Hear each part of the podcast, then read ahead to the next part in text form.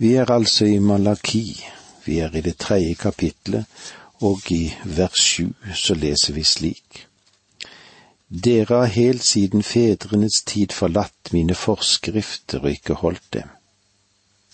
Vend tilbake til meg, så skal jeg vende meg til dere, sier Herren allers Gud.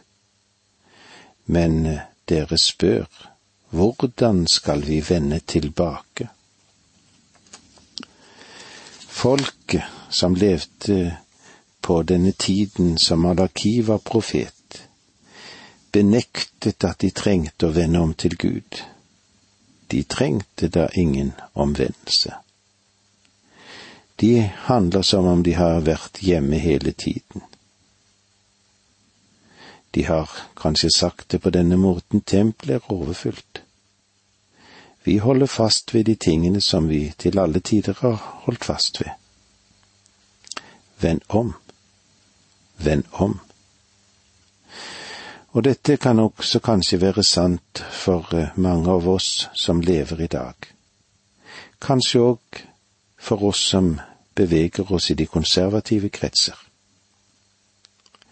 For selv konservative grupper som sier at de ikke har sine ritualer, går igjennom ritualet og ser at det er godt, og de ser at det blir gjort på den riktige måten. Det er viktig å ha et bestemt ordforråd, en bestemt måte å uttale seg på, uttrykke seg på, en bestemt måte å lede sine møter på.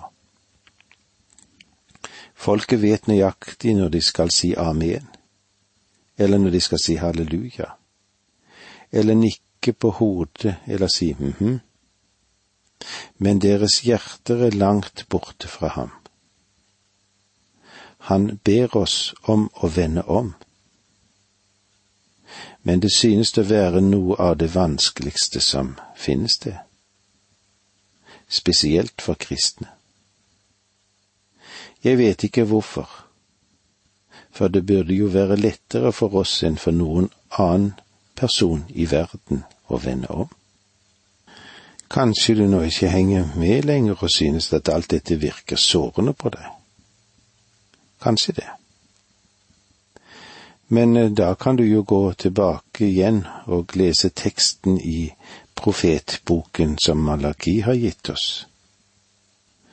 Tror du at den er mindre sårende? Jeg synes at vi skulle glede oss over at Malaki taler direkte til oss, at han taler direkte til meg, og at han taler direkte til deg. Jo da, i sannhet, vi trenger å bli snakket til, alle sammen av og til. Vi kommer nå til den syvende sarkistiske merknad som dette folket gir. Åtte ganger i denne boken slynger folket tilbake mot Gud et fleipet svar. Åtte ganger avviser de hans anklager som fornærmede barn. Åtte ganger prøver de å komme unna Guds påtrykk ved å opptre likegyldig. Åtte ganger sniker de seg unna ved å svare ved at de er fromme eller de later som om de er fromme. Vi leser det åttende verset i kapittel tre. Kan et menneske røve noe fra Gud? For dere bedrar meg, men spør likevel, hva er det vi har røvet fra deg? Tienden og avgiftene. I stedet for å lyse velsignelsen ved mange av våre samlinger, burde vi kanskje ha sagt stopp tyvene. Dere har røvet fra Gud. Men menigheten vil antagelig ha sagt noe som dette. Du mener da vel ikke oss? Vi lar da ganske frivillig gaven i kollektkurven. Ja, gjorde du det? Hør nå på dette. Kan et menneske røve noe fra Gud? For dere bedrar meg, men spør likevel. Hva er det vi har røvet fra deg? og Guds svar er tienden og avgiftene. I den gamle oversettelsen så står det de hellige gaver. Om du tror at Gud er en slags gjerrigknark der oppe i himmelen som forsøker å ta noe fra disse menneskene, ja, da tar du feil. Det Gud gjør er faktisk å velsigne dem ved å si, Jeg lar dere beholde ni tiendeler, og så sender dere en tiendedel tilbake til meg. Det er flere viktige ting vi trenger å korrigere når det gjelder vår forståelse av dette punkt. Til å begynne med må jeg få understreke at Israels folke gav ikke bare tiende, noe du oppdager om du gransker Skriftene oppmerksomt da. Ofringene i Israel, det var førstefruktene ikke mindre enn en sekstiendedel av all korn, vin og olje. Det var eh, flere typer tiendeytelser. Det første som vi kan se, er tiendedelen av resten etter at førstefruktene var tatt. Dette skulle vitne om livsopphold, som det står i Tredje Mosebok. Den andre delen er dette tiende ble betalt av levittene til prestene, som det står i Fjerde Mosebok. Det tredje, den andre tiende ble betalt av menigheten for de behov som levittene og deres familie hadde ved tabernaklet. Og i Femte Mosebok enda en tiende hvert tredje år til de fattige. Jeg vil gjerne at vi skulle se litt nærmere på det siste skriftsavsnittet som vi var inne i, fordi jeg har en følelse av dette er noe som vi burde ta hensyn til også i dag. Jeg er klar over at vi gjennom vårt skattesystem og gjennom de statlige bevilgninger har gjort mye for å hjelpe de fattige og de nødlidende både her hjemme og andre steder i verden og jeg går ut fra at hjelpen ikke bare går til byråkratene eller til industriforetakene. Men vi må alltid ha et åpent spørsmål rundt dette. Hvem får pengene som er avsatt for de fattige? Og jeg føler at kirken og menigheten og misjon burde legge stor vekt på dette. La oss se på Guds retningslinjer for Israel, som vi finner i femte Mosebok i det fjortende kapittel, versene 28 og 29. Men hvert år skal du ta all tienden av avlingen du har fått det året, og samle den i byene dine. Så kan de komme og spise seg mette, både levittene som ikke har noen arv å dele med deg, innflytterne, de farløse og enkene i dine byer, for at Herren din Gud skal velsigne deg i alt det arbeid du gjør. Derfor var det en ekstra tiende som ble gitt hvert tredje år til de fattige. Når du sier at Gud krevde tiende av Israel, hva mener du med det? Vi må være klar over at det var flere tiendeytelser som ble gitt. Og det er kanskje noe som vi alle sammen bør tenke litt på, og tenke over.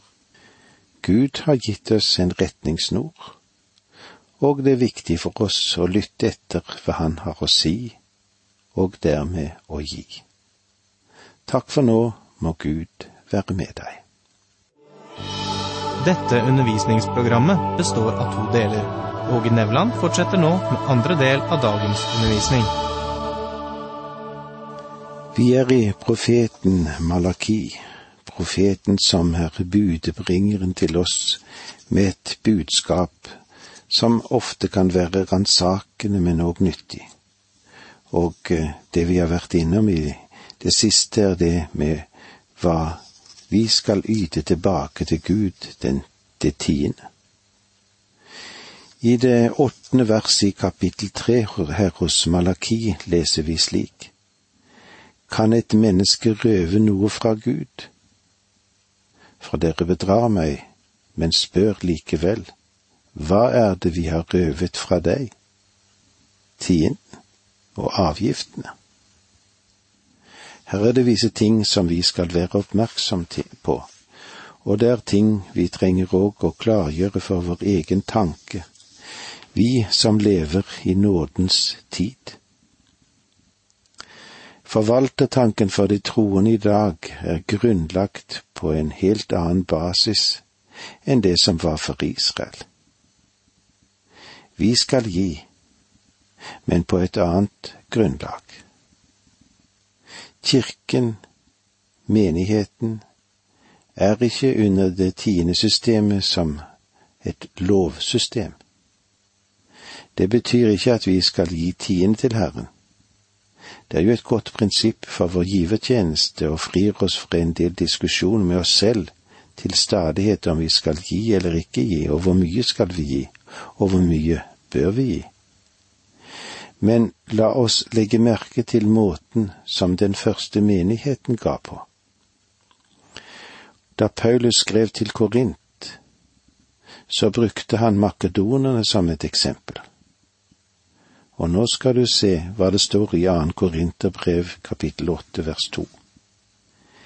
De har vært hardt prøvet, men deres, stor, men deres store glede og deres dype fattigdom har gjort dem rike og villige til å gi. Selv om makedonerne var meget fattige, så ga disse folkene villig og med glede. I vers tre i det samme kapittel, kapittel åtte da, i annen Korinterbrev, så står det slik. For de ga etter evne, ja, over evne og frivillig, det kan jeg bevitne. De ga langt mer enn tienden. Tienden var ikke engang med i tenkningen hos de. De ga simpelthen på grunn av sin kjærlighet til Herren og Paulus forteller oss enda en grunn til at de gav. De ba oss inntrengende om å få lov til å være med i fellesskapet i tjenesten for de hellige, står det i vers fire. De ba oss inntrengende om å få lov til å være med i fellesskapet i tjenesten for de hellige. Her ser du at det å gi er fellesskap. Det er en del av fellesskapet og en del av menighetens tilbedelse. Vers fem. Og de ga ikke bare slik vi håpet, men de ga seg selv, først til Herren og så til oss, slik Gud vil det. Vi er glad og takknemlige for alle som er villige til å gi òg til det arbeid som vi steller med. Men for den som ikke kjenner Jesus som frelser, så er det ingen oppfordring i Skriften som sier at de skal gi. Gud, han ber sine barn om å gi. Har du lagt merke til at paktarken ble åpnet på skuldrene til Israels prester? Herren kunne ha kalt andre ut fra det til å gjøre den jobben, eller den kunne bli fraktet på en vogn. For eh, det var visse andre ting som ble fraktet slik. Men paktsarken som taler om Kristus, den ble båret på prestenes skuldre. Om vi skal bære videre budskap om hva Han har gjort for oss, må det bæres på deres skuldre som er prester i nytestamentlig betydning. De, det vil si de som er hans. For vi er alle prester, et hellig presteskap. Og så fortsetter Paulus med å si mer i annen Korinterbrev åtte, i det åttende verset der. Jeg sier ikke dette som en befaling, men jeg nevner de andres iver for å prøve om kjærligheten er ekte hos dere. Din givertjeneste er et vitnesbyrd om din kjærlighet til Kristus. Han tvinger deg ikke til å gi, han sier, om du elsker meg, da holder du mine bud.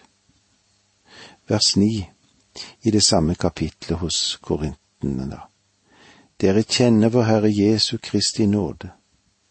For deres skyld ble han fattig da han var rik, for at dere skulle bli rike ved hans fattigdom. Paulus sier at du skulle gi meg glede. En guide sa det en gang når de passerte Skattedirektoratets bygninger i Jerusalem. Denne bygningen kalles populært for den nye klagemuren. La meg få understreke at når offeret tas opp i kirker og bedehus, virker det som om det er en klagemur for noen. Folk tenker kanskje på denne måten.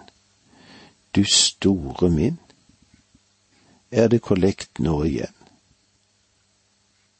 Det å ta opp vår offergave skulle være en glad og takknemlig del av vår gudstjeneste eller vårt møte. Kanskje vi ikke burde gi hvis vi ikke kan gi det med glede, for det er svært lite med velsignelse over en tverr offergave. Ja, det kan jeg forsikre deg om. Ja, videre i kapittel åtte over i kapittel ni i annen Korinterbrev så fortsetter Paulus med å drøfte grunnlaget for en kristens givertjeneste. Og jeg er frimodig nok til å påstå at de fleste kristne i vårt overflodssamfunn burde gi langt mer enn en tiendedel, slik som Israel måtte gjøre det. Israel de ga mer enn en tiende. De står minst overfor tre, om ikke fire tiender av ytelser. Det er mange mennesker som burde gi mer enn ti prosent, men når jeg sier burde, så er det meg som taler. Jesus han sier det slik. Ikke gjør det om du ikke gir det på grunn av kjærlighet til meg, og fordi du virkelig ønsker å få ordet spredd ut over den ganske jord. Gud sier, kan et menneske røve noe fra Gud? Hva tror du? Igjen vil jeg spissformulere dette litt, og si det for å lyse velsignelsen ved slutten av gudstjenesten burde det være noen som kunne rope ut, Stopp tyvene! Har du gjort din skyldighet mot Gud? Hvordan røvet disse israelittene fra Gud? Vel, alt tilhører ham. Men til Israel sa han, Dere kan beholde det meste, men jeg ber dere om å gi meg en tiendedel for å ære mitt navn. La meg få lov til å understreke at det finnes mange glitrende eksempler også i dag på mennesker som gir mye og det er mange jeg beundrer på den måten. Og det er nok mange av oss som kan undre seg over hvordan våre foreldre og besteforeldre maktet å gi så mye som de gjorde, de hadde jo så lite. Men de var jo påpasselige med å legge noe til side, slik at de kunne få lov til å yte mer til Guds rike og til misjon og ofte var det vel slik at de ga mer enn tiende. Etter kanskje manges meninger så kunne disse pengene brukt på en selv på en bedre måte enn for å fremme Guds rike. Det var slik de hadde det, og slik burde vi ha det. Og noe av det jeg takker mest for, er det eksempelet som mine forfedre hadde å gi oss. Mine foreldre kalkulerte aldri hva de kunne få igjen, men bare hva de kunne gi til Herren, hva de kunne yte for å utbre Hans rike. Herren sier til sine barn, Alt hører dere til, Hva er svaret vårt da? Skulle vi svare med å si til vår Herre og Mester, vi unner deg minst mulig? Nei, slik skulle det ikke være. Alt hører Herren til, og det burde være en takknemlighet for at du og jeg får lov til å være med i Guds rike, store sak. Utbre Hans rike over den ganske jord. Takk for nå, må Gud være med deg.